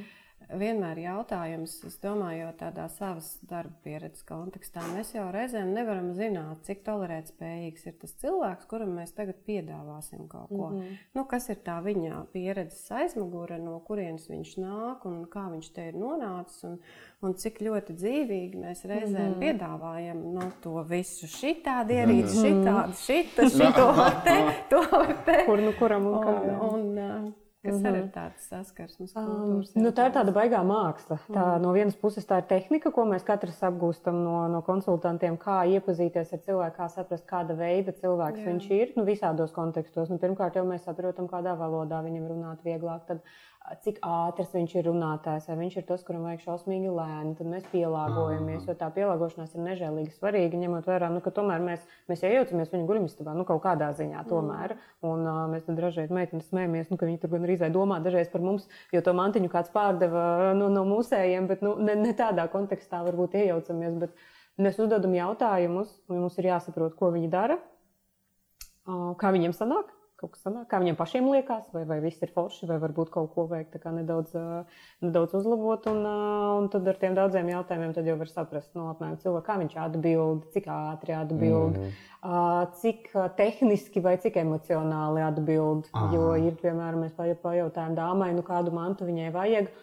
Nu tā, lai tur es justos tā, un šitā, tā, un šitā. Un tad skaidrs, cilvēks sensuālais. Tā tad mums jārunā par sajūtiņām, lai cilvēkam ir skaidrs, ar šo lietiņu var būt tādas sajūtas, ar to tādas. Nu, tagad iedomājamies tādu klasisko biznesa vīrieti. Mēs pajautājam viņam, tā, man vajag vibratoru, maksā tik, kaut ko normālu, tā, lai viņai patīk, tā, lai ilgi strādā, ļoti tehniskas lietas vispār. Un tad jau tālāk ar jautājumu mēs varam tā. Tātad pirmkārt dāmai. Ja? Mm -hmm. Tātad kopā izmantošanai vai, vai tur, lai viņa viena pati sevi palutina. Un tad ar tiem visiem jautājumiem. Tā kā tur ir tāda diezgan ilga, ilga, ilga saruna, lai mēs vispār saprotam, kāds ir tas tiešām cilvēks, uz ko, ko mēs varam atļauties runāt Aha. tālāk ar jauniešiem. Jā, nu, kā, kā tev patīk? Mēs varam paprasīt vienkārši nu, tādam mm. cilvēkam, kuram liekas, ka viņš ir uz viena viļņa kā mēs. Jā.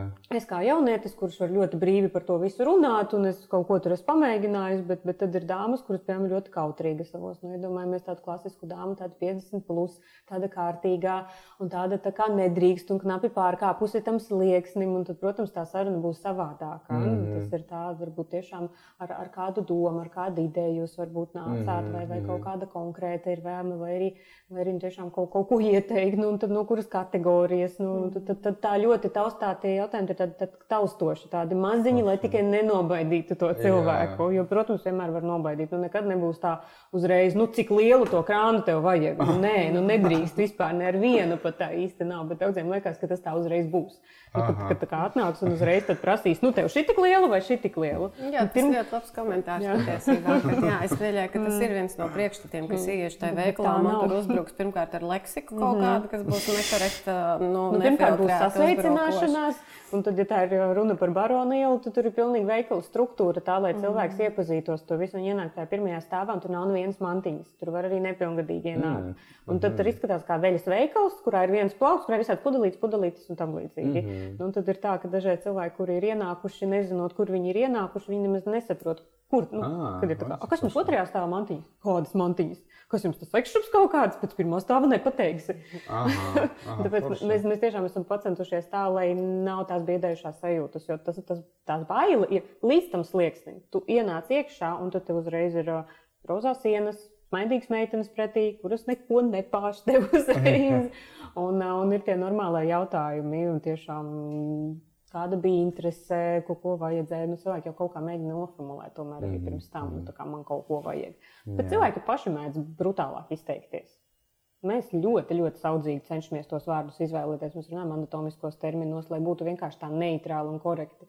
Bet nu, tad dažreiz atnāk cilvēki, nu, tu, tu izsakās tik skarbi, ka pat dažreiz nu, pašas mēs tā, nu, gluži samulstam, bet vienkārši nepatīkami paliek. Aha. Nu, kad kā par mums var runāt, ka mēs esam, piemēram, tur kaut, kaut kādi tur izvirtuļi, ja paši cilvēki mm. atnāk un paši prasa, nu, iedod man kaut ko, lai viņi mani grib. Nu tā, un tādā tonī, nu tā, ka tiešām tā kā cilvēks mīlēs, kā, kā, kādā kontekstā vispār. Es Mhm. ļoti atvainojos, bet pirmkārt mums tāda lieta nav, un otrkārt, kā, jā. kāpēc jums vispār kaut ko tādu, un tad tā sanāk dažreiz kā nav viss tik traki pie mums.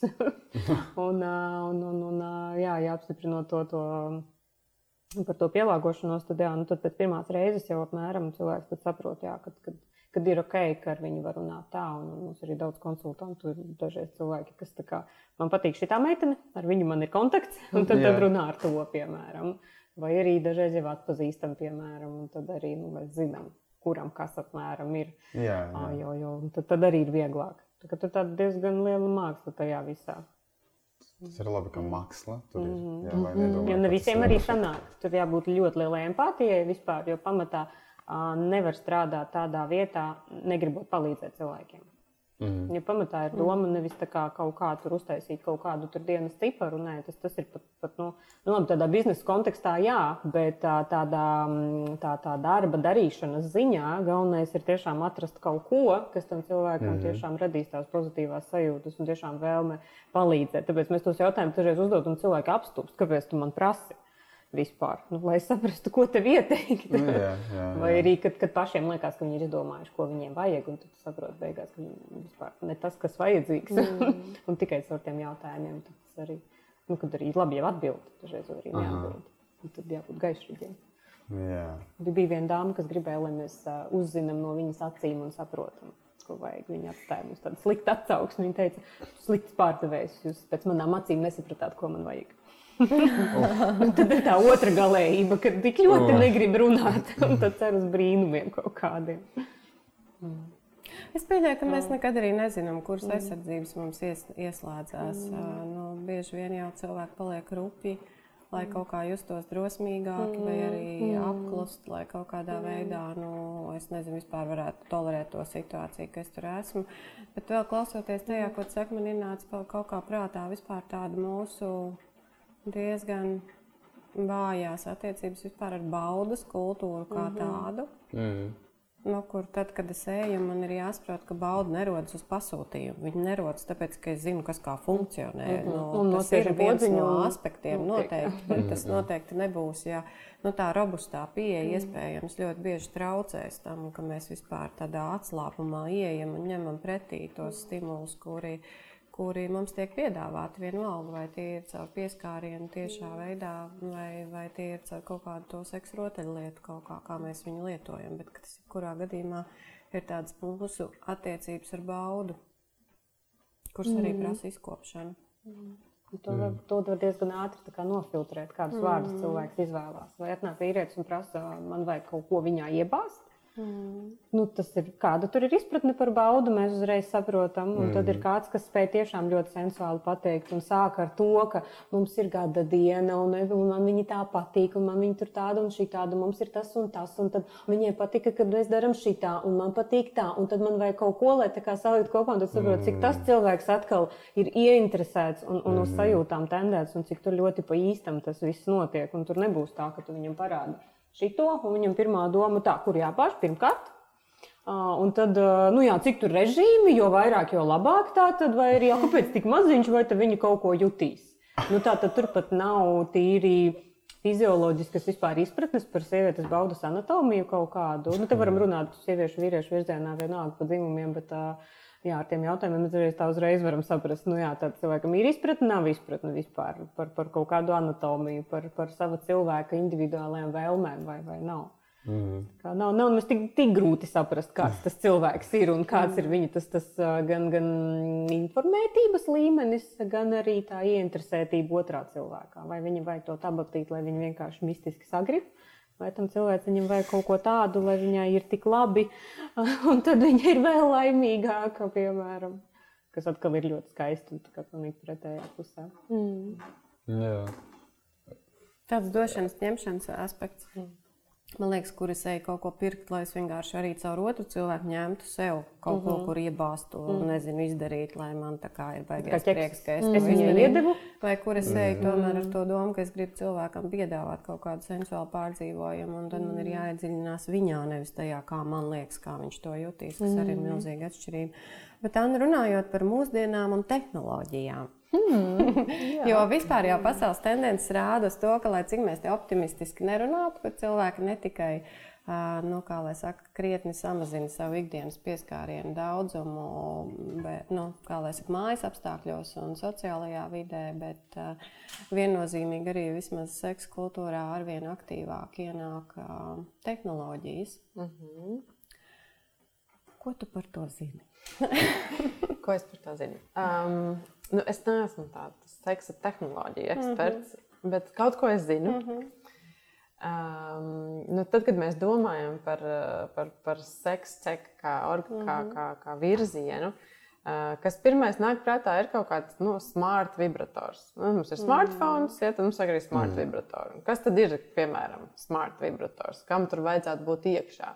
Un tad šis ir tas, ko šie seksa tehnoloģija izstrādātāji mēģina saprast, mēģina būvēt. Un uh, pastāv šādi gudrie, uh, gudrie vibratori, arī citas gudras ierīces, um, kas, nu, teiksim, pirmās, kas pirms kaut kādiem gadiem jau radās, ka viņas, teiksim, tur savienojas ar mūziku. Piemēram, tu uzliec mūziku, tev ir vibrators, viņš vibrē mūzikas ritmā. Nu, piemēram, tāds uh, variants. Ja? Um, Bet tad, teiksim, kas nākamais ir, kad jau iesaistās uh, datu analītika, kad teiksim, skatās, uh, cik bieži kaut kas tiek izmantots, kādas uh, pretreakcijas tas raisa cilvēkā.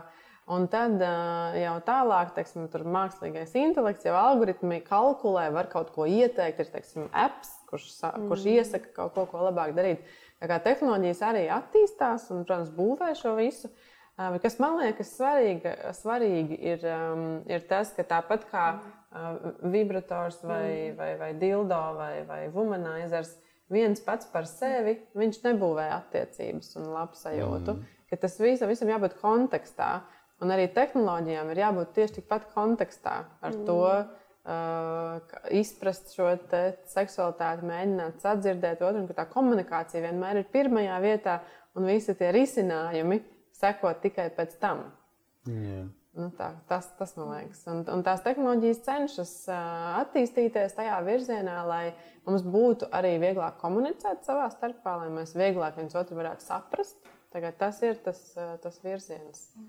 Man šķiet, viena ļoti interesanta ierīce, ko es pēdējo par, nu, domājot par tādu par tehnoloģijām un šo pieskārienu kultūru redzēju, kur tāda ierīcīta, kur Vienam tā ierīce tā ir vienā galā, kur ir tie sensori, otram otrā rokā. Un tad šie cilvēki ar to brīvo roku viens otram pieskaroties, um, rada kaut kādas skaņu, sens, nu, skaņas, kuras reprezentē to, kā tas cilvēks ir juties tajā pieskārienā. Mm. Kas man likās savā ziņā tāds muzikāls piedzīvojums, mm -hmm. kur tā viena roka mums kā ir acīm redzot kaut kas, kas uzlasa to, ko tas mūsu ķermenis tur par to saka. Un otra savukārt ir tā, kur dažādo to pieskārienu, kas man likās tieši tai, tai pieskārienu ziņā ārkārtīgi interesanti, kas, protams, izskatās ārkārtīgi jautri. Jo, un kas man likās arī, kas man uzreiz likās, wow, tas tā kā pilnīgi provocē tevi mēģināt kaut ko, jo gribās dzirdēt, kā tas skan. Nu. Kā tā ierīce būs izdomāta? Kā man tas ir perfekti skan... latviešiem, kas nesaka, kā viņš jūtas. nu, ja? Jo perfekti jau, ka tas jā. cilvēks pateikt, tur patīk, tur nē, tur zemākajai un tā tālāk, bet tad vajag ierīci. Tas tā ļoti latviski izklausās. Varētu noturēt daudzām dāmām, kurām joprojām ir jautājums, kā man pateikt viņam, kā man patīk. Viņas mums tā pieklusinātā tonī vai, vai man prasa pēc semināriem, "A, kā es tā viņam teikšu, kas man patīk. Nu, es tā parasti apstulbstu, un dažreiz es jūtu, ka viņi ar humoru vislabāk. Es viņai pasaku, nu, vēlams ar muti, pirmkārt. Uh, nu, un tad, uh, nu, tad vienkārši izdomā, pirmkārt, nu, prioritizē, vai tev vajag tiešām, nu, tie, lai tu justos labi. Tad tev ir vienkārši jāizdomā, kā tu viņam pasaki. Vai pie vakariņu galda, vai, vai, pie, nezinu, vai pēc tās vīna glāzes, vai pie filmas, vai piknikā, vai nu, kad jūs jūtaties ērtīsti. Jā. Bet vispār tas par to pieskārienu ir ārkārtīgi interesantai komunikācijā. Tāpēc, ka reizēm jau ir tā, ka tas nemaz nav tāpēc, ka man ir baigās barjeras uh, pateikt. Bet tāpēc, ka tiešām pieskārienu ir grūti raksturot. Jebkurš cilvēks, kurš ir vairāk mēģinājis plēst pieskārienu amplitūdu, ir grūti diezgan otram izskaidrot, kā tad man pieskarties. Ir tīpaši, ja mēs runājam par dzimumu orgāniem, kur mēs īsti paši reizēm nezinām, kādu, kura vieta, kā manā manos dzimuma orgānos, kā saucās, lai es varētu otram tagad klau maksim tur, tajā vietā, tādā veidā, ar to pusi uz turieni vairāk. Jau Nu, tas jau tur ir tik gari un ilgi. tad zūd erotika, tad vēl tajā brīdī uzbudinājums. Tas ir tas, kas ir verbālās komunikācijas lielais trūkums. Tāpēc es teiktu, ka vairāk Pieskāriens ir kā tāda, nu, kas man liekas, ir, ir, ir saprotamāk un reizēm vieglāk nos, nokomunicējams. Tā tomēr ir ķermeņa komunikācijas kultūra. Ar to domu, ka mēs neguļam statiski vai neesam tādi nu, rigidi, bet ka mēs arī tveram, nu, ja es jūtu, ka cilvēks atraujās vai iet prom vai ir sastīnis, es, pārstāju to darīt, jo tur tomēr ir aizdomīgi, kāpēc viņš guļ kā baņķis un nekāda iemesla dēļ nereaģē. Tad ko es daru? Vai nu tur ir tāda ekstāze, bet kaut gan fizioloģiski cilvēks sajūsmā kļūst vit- vitālāks, nevis viņš uh, iekonservējās un brīdī ieiet. Bet, bet, bet varbūt ir tas brīdis, kad tā kā tu- tu būs, tu būs, gaidi, gaidi. Nu, tad tas tomēr ir īsts brīdis, un to mēs redzam. Tur ir pārsvarā kaut kāda jau tā jā, pirms tam, bet ja tur cilvēks jau guļ tāds atrofējies, nu, kad tas man Kad liekas, tas ir tas, kas reizēm ir vienkāršāk. Tā jau ir tāda kontakta improvizācija, kurā mēs līdzīgi kā dēļas kultūrā vairāk ar tiem ķermeņiem nu, viņus vadām. Un ko reizēm patiešām ir vieglāk paņemt to roku un parādīt, ko es kā gribu, vai ar to savējo uzliekot virsū, kur mēs mācāmies būt tiešām kinestētiski. Un, attīstīti arī tajā, ko mēs spējam izdarīt, pieskaroties fiziski, ne tikai verbalizējot viņu. Jo tur ļoti bieži ir tas grūtums, ka krītās patiešām uzbudinājums un zūd arī interesi. Jo tas jau ir, nu, jāsaka, ir tāds čakars nokomunicēt reizēm. To ir tīpaši, ja es vēl tiešām nu, neesmu anatomiski, fizioloģiski izglītota, nezinu, kur kas saucās. Vai partneris ir tāds, un, un tad vēl mēģināt tajā, nu, tajā niansēs tur izbīdīties. Jo tā darbība tomēr ir pietiekoši tāda trausla, lai mm. viņa būtu patīkama. Un dažreiz uh, man vienreiz patīk viena veida pieskāriens un uzbudina, un citu reizi man tas vairs tā kā varbūt nē, man kaut ko citu mm. gribās, kaut ko savādāk. Tāpēc tas arī nav kaut kas tāds, ko tu vienreiz pasaki, un tad tas arī tā rullē visu dzīvi cauri. Aha, un ka aha. tas var tā kā pamainīties. Jo, jo es pats domāju, tagad uh, man pašam tā gadījies, ka tā ir tā paša momenta, kad jau process iet. Es, es pats jā, apzinos, tagad, ka es kaut ko nevaru pateikt uh, un neteicu, tāpēc ka tiešām baidos tipa, salauzt šo momentu. A pēc tam jau aizmirst. Un tas jau pa brīžu, nu, blin, atkal, kur ir šis, kad arī, arī ir nācis šis moments, ah, nu, jā, jā, cipa, blin, bija jāpateic pirms tam, vai pēc, pēc tam neaizmirst, vai tā ir paša momenta, bet jā. jā. Ja tas vienmēr ir kontakts ar tādām, nu, es teiktu, bāziski četrām jūtām, iekš kurām cilvēkiem lielākoties ir vājš komforts. Tas ir bailes, dusmas, kauns un vaina. Mm. Un es nekad nestartēšu ar savu ierosinājumu, ja man būs bail, ka tu pagriezīsies vai man kaut ko iebīgi pateiksi, nu, ka es tiešām Jā. pāraušu. Ja man liksies, ka tu sadusmosies, apvainosies, Jā. vai es jutīšos vainīga, ka es izbojāju to Jā. mirkli, jo tev pat bija tik labi, un es pavilkšu tevi līdzi, vai man būs kauns, kad kaut kas ar mani notiek ne tā, kā mēs ekspektējām, kā vajadzētu ar mani notikt. Tā kā līdz ar to tas tur nekas cits neatliek, lai mums pieskāriens būtu patīkams un baudpilns. Tas vienmēr būs darbs ar mūsu emocijām un jūtām. Cik ļoti noturīgi mēs esam tajā situācijā pret to, ka mūs nebiedē pats fakts, ka mēs varam justies ļoti dažādi un ka tas nebūs punkts, bet tas būs komats. Uz brīdi iespējams mums kritīsies gan iekāra, gan uzbudinājums, bet mēs nonāksim atpakaļ pie viņas, ja mēs nenobīsimies no, mm -hmm. no, no tās trauslās robežas, kurā mums ir jākonfrontē vienam otru, lai kā kāpinātu to situāciju un attīstītu baudpilnāku. Bet uh, lielākoties tas ir tas, kad liekas, nu, noteikti būs, un otrais jau tur atpakaļ nedabūs, jo, ja es nezinu, kā es tur nonācu, tad kā lai es to atkārtoju. Mm. Un tas atkal ir tāda nedrošība, ko mēs ļoti bieži pieturam un izkopjam. Neuztverot to komunikācijas kultūru, tīpaši kinestētiskā formā, kā kaut ko, ko es saprotu, kā tas tikko notika. Nevis tas ar mani nejauši notika kā brīnums, un otrreiz es to nevaru atkārtot, piemēram, orgasms. Mm. Tas nav nekāds brīnums. Nu, būtībā man vajadzētu būt izpratnē par to, kas man ir, kas ir nepieciešamie elementi, kuri mani tur noved. Un, ja man nav, man vienmēr būs bail, un es vienmēr jutīšos nedroši tajā. Mm. Un es nu, klusēšu tajā brīdī, jo man tiešām liksies, ka tas uzkrīt man virsū. Nevis es, tas rodas manā ķermenī un manā psihē, bet tas ar mani kaut kā ārēji notiek. Tu man atnes to manu orgasmu, nevis viņš manī rodās. Un tāpēc es jā, nevaru jā. tevi aizbiedēt, jo tu taču esi atbildīgs par to manu pieredzi, mm -hmm. nevis es. Un, aha, un tā aha. ir tā reizēm arī, nu, kur mēs. Tāpēc tā, arī tā drošība būt ar, ar partneri vai partneriem, vai vienalga kādās attiecībās, kurš dzīvo vai, vai sevi piedzīvo. Bet ļaut tur ienākt jebkura veida jūtām mm -hmm, un mm. trenēt sevi, būt viņās, ka tas nav kaut kas nekas letāls. Tas vienkārši ir kā saliktā mm. teikumā. Pēc vienas daļas seko nākošā, un mēs saprotam, uz kurien mēs virzamies, kādu stāstu mēs gribam izstāstīt, nevis mētājamies teikumiem. Un beigās nevaram saprast, ko te vispār darām. A, ko mums vispār tas seks šobrīd ir?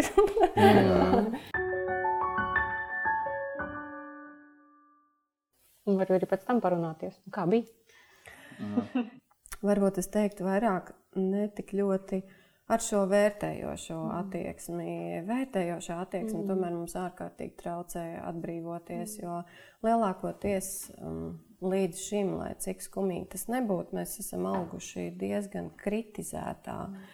Nu, mēs esam auguši kritikā, tāpēc tajā brīdī, kad mēs sākam vērtēt pieredzes, mm -hmm. viņas mums lielākoties vairāk rada performances trauksmi nekā nu, tas, ka es mhm. nākošais performēšu labāk. Nevis mm mēs satuvinamies intīmi kaut mm. kādā veidā. Tur ir arī pašai jautājumi, kā piemēram, kas tev vislabāk patika, vai arī ko man nākošais darīt savādāk. Jā. Vai arī ko vēl jaunu tu gribi pamēģināt, mm. vai arī klausies tajā brīdī, kad notika tas un tas. Tiešām var atzīties, es negribēju teikt, bet nākošajā mm. reizē izdarīt to. Mm. Un tad jau nav tas brīdis, kad tev bail, ka tas anatomiskais Aha. termins var sabojāt, bet tas paskaidrojušais moments pēc tam. Jā. Tiešām nevis, nevis jā, man bail no tām vērtējumiem, un tad arī man pašas kaut, kaut vai tās pašas draudzenes saka, nu mēs nerunājam, jo tad, tad man liekas, ka viņš tur uzreiz salīdzinās gandrīz vai Un, un tad vīrietim ir tā uzreiz ciparos, vai arī salīdzināt, vai likt tā kā bija labāk vai sliktāk. Un tad, kad es sāku runāt tur visā savā sajūtās, un tad viņš nesaprot, viņš tad, nu, bet cik tad reizes tev bija? Nevis, kad es sāku tur stāstīt poetiski, cik man labi bija, nu, vispārīgi un kā, bet, nu, tad cik reizes bija? Vai arī pēc cik minūtēm tev bija apmēram. Nu, ja tas cilvēkam ir tik ļoti svarīgi, tad jau vienkārši, nu, kā partnerim jāzina, var jau kaut ko pateikt. Bet uh, Jā.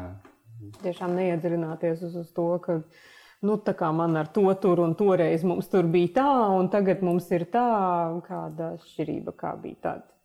Nu, arī mērķorientētiem mm. cilvēkiem vienmēr būs ļoti nozīmīgi zināt, vai viņš mm. ir sasniedzis to, uz ko viņš ir gājis. Bet atcerieties arī to, ka mēs esam dažādi mm. un ka mm. nevienmēr tas, uz ko mēs ejam, arī ne tas orgasms, ja tas mm. pieskāriens jau ir seksualizētāks, ir tas pašmērķis.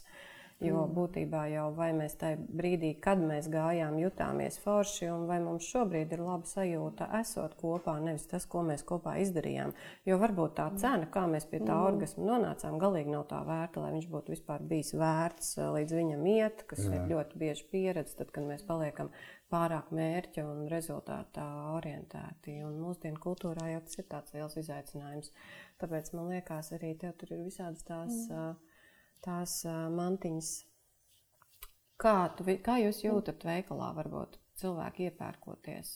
Cik viņi ir nodarbināti ar rezultātu? Ļoti. Mm. Nu, viņi neprasa mm, varbūt efektīvāko vai jaudīgāko, viņi uzreiz labāko. Mm -hmm. Vai arī dažreiz dārgāko. vai arī nu, kaut ko tādu, lai tad, nu, tad tur viss notiek apmēram. Mm. Un tad nu, mēs mēģinām pārjautāt, ja, bet, bet, Jā.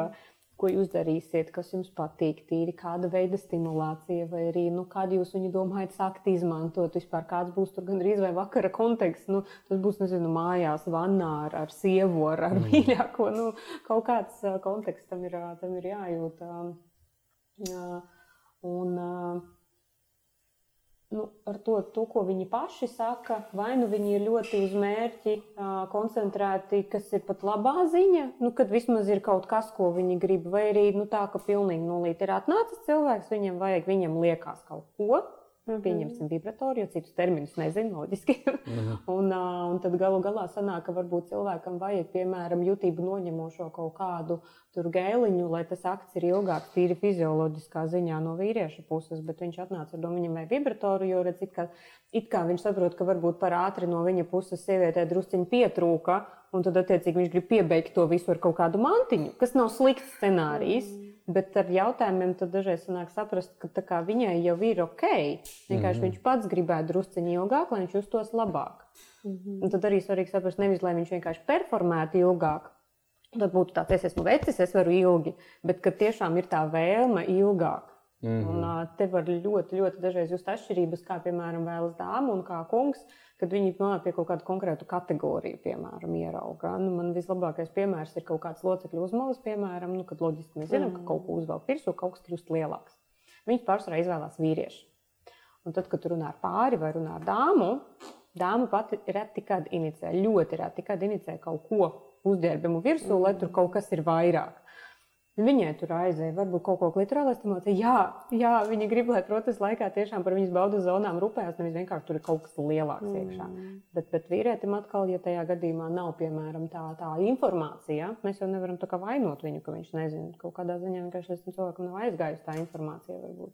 Un tad liekas, nu, ka būs lielāks, tur dziļāk vai vēl kaut kā, un tad, tad būs labāk. Un, un vakar pat bija konkrēts pāris, kas arī kas, kas nāca pēc uzmalām, bet nāca vīrietis, vajag man šito. Mm -hmm. Un tur tādas biezas, gumijainas, nu, tādas rīktīgās, ko mēs paši pat neviens īsti neizmantojam, kas arī ir diezgan labs indikators. Un beigās viņi aizgāja pavisam kaut ko citu. Mm. Jo es sāku dāmai prasīt, ko jūs vēlaties. Un tad viņi aizgāja pavisam kaut ko citu, un vīrietis vēl toču, toču šito. Viņš nesaprata, kāpēc. Aha. Bet tas joprojām ir. Um Nezinu, no kurienes šis nāk. Nezinu, no kādām mm. filmām, kur ir dziļāk, dziļāk. Protams, vai nu, kā, ka tas izmēram ir kaut kāda baigā mm. nozīme. Mm. Tas no turienes joprojām nāk, Jā. kas joprojām ir kultivēts. Tieši tā normāla seksuāla izglītība, kur pastāsta par sievietes baudu zonām, kas ir klitors, kāpēc viņš ir tur, kur viņš ir, kāds viņš patiesībā ir, kur tās kājas aiziet, kas vispār ir tie orgasmu, orgasmu veidi, vai viņi ir un tā tālāk. Tās ir tā jau tāda dziļāka zinātne, kuru tā viens neviens neiedod. Ja pat cilvēks kaut kur neiet konkrēti un nemeklē. Mm. Un arī nevis pirmajā Google atrastajā rakstā, mm. kur kaut kāds kosmopolitāns, piemēram. Es nesen googlēju mhm. sievietes mm -hmm. dzimumu orgānus, pilnu dzimumu orgānu, mm. tur joprojām ir mazākumā, tur joprojām mm. ir būtībā maksts un mm līdz ar to nu, dzemde. Mm -hmm. Ar volnīcām līdz ar to tas ir gluži saprotami, ka mums šī interese uzreiz aiziet uz to, mm ko ar to makstu izdarīt un, mm -hmm. un kā, kā viņi tur funkcionē. Kaut kā vispār nav baudas zona. Bet, sistēma joprojām nav. Jā, baudas Pirmais imičs, kurš izlaiks mm -hmm. ārā runājot par sievietes uh, seksualitāti. Mm. Un tad tie vīrieši prasa, ko man tad ar to makstu darīt, gandrīz vai kā viņai sasniegt vaginālu orgasmu. Mm. Kāpēc jums viņu vajag pirmkārt? Nu, kāpēc ir tas mērķis? To, nu, tā lai labi, bet vai kaut kā savādāk nav labi? Nu, jā, tur to klitoru ir viegli un forši, bet vai to vaginālo? Kāpēc vispār? Kas tas par mērķi? Jau ir kaut kas labs, ir kaut kas atklāts, ir kaut kas foršs. Nē, nu, bet skaitās tā kā, ka tas taču ir tas galvenais. es esmu bieži domājis par to arī, kā mēs lietojam jēdzienu priekšspēli ka tas arī ir diezgan izkropļojoši reizēm. Ok, mm. ja mēs viņu lietotu priekš abiem dzimumiem, mēs kaut ko tagad ar Annu kopā darām, mm. lai pēc tam darītu kaut ko citu. Bet tad, kad mm. tas jau kļūst tā stigmatizēts, ka priekšspēle ir vajadzīga sievietei, tad gribot, negribot, automātiski mums aizmugurējā doma ir, ah, ok, tā tad vīrietim ir kaut kāda pamatvajadzība, kur definē to, kas ir būtiskais, un mm. tad ir sieviete, kurai pirms tam kaut ko vajag izdarīt, lai viņa varētu piedalīties būtiskajā.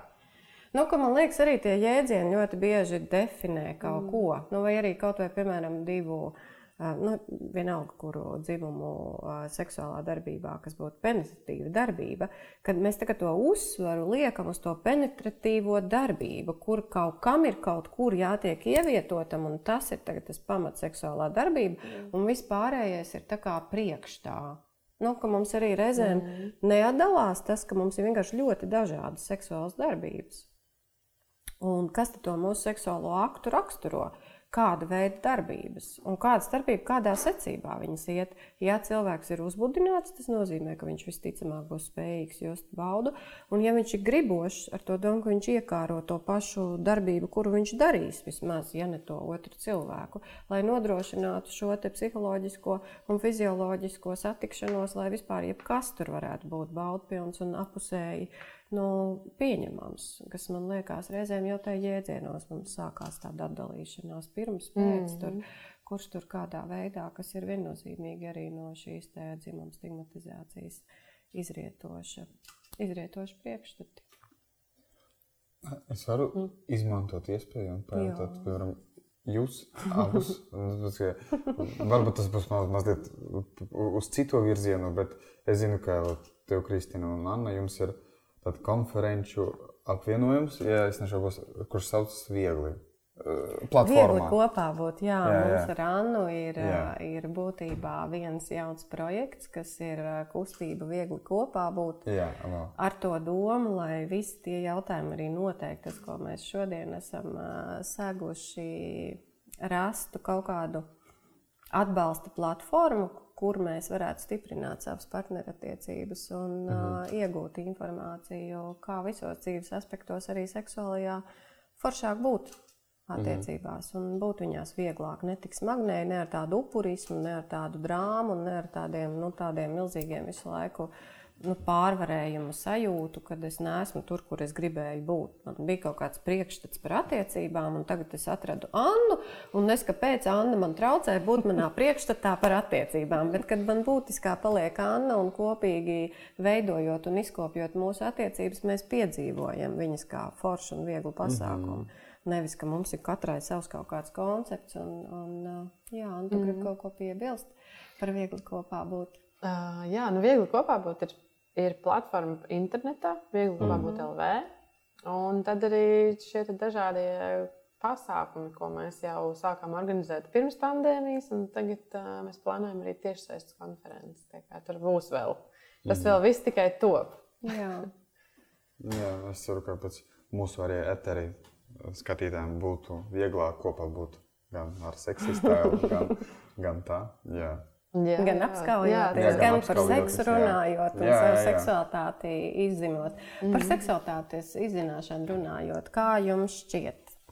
Kas ir? Kas ir seksuāli inteliģents cilvēks? Jā. Uh, seksuāli inteliģents cilvēks. Hmm. Nu, es domāju, ka tas ir. Um, cilvēks, kurš ir um, veltījis laiku, lai izprastu, kas vispār ir seksualitāte.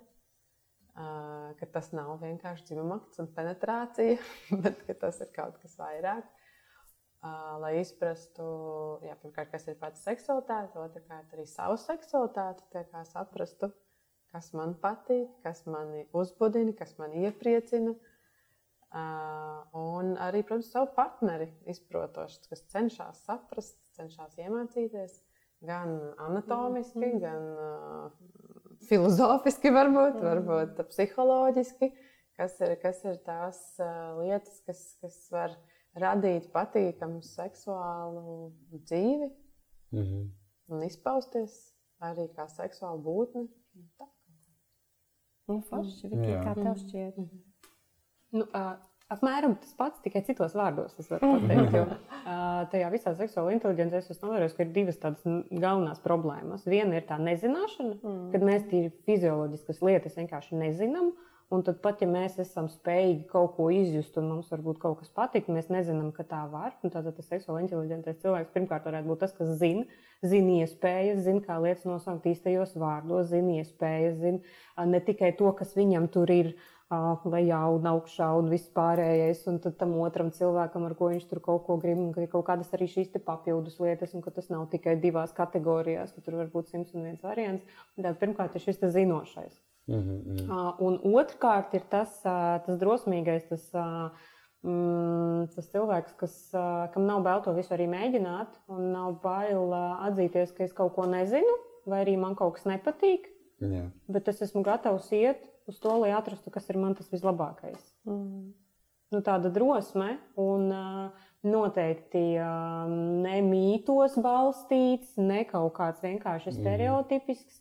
Ne tāpēc, ka draudzene teica, vai mamma lamāja, vai vecmāmiņa nokrustījās, un vēl kaut ko um, tāds. Tā kā, nu, kad noņem tās visas pārējās tās īpola mm. miziņas, to visu sabiedrības, sabiedrības uzskatu, bet paliek tāds tikai priekš sevis reāli, ko es gribu, kāpēc es gribu.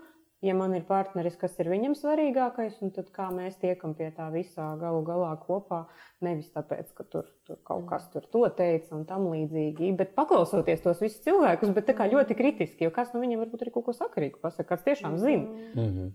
Mēs jau nevaram zināt, varbūt mums tur ir draudzene tiešām, tur nezinu, ginekoloģija, kas kaut ko var pastāstīt vērtīgi, bet varbūt mums tur ir draudzene, nezinu, kas tur uh, kaut kādā mistikā ir uh, riktīgi, riktīgi tur sevi vienkārši nozambējusi un tad vienkārši saka, ka tur tikai, tikai kaut kāds tur bez pieskārieniem ir šis tantriskais un vēl kaut kāds. Mm. Tur, tas varbūt ir tam cilvēkam. Mm. Bet varbūt ne man. Bet forši zināt abus. Zināt Jā. gan to kaut kādu anatomisko pusi, gan to atkal visu, visu visu pārējo un vienkārši salikt priekš sevis to, to galveno, kā mācīt priekš sevis salikt. Jā. Paldies! Paldies! Mm. Paldies! Paldies, Paldies jums!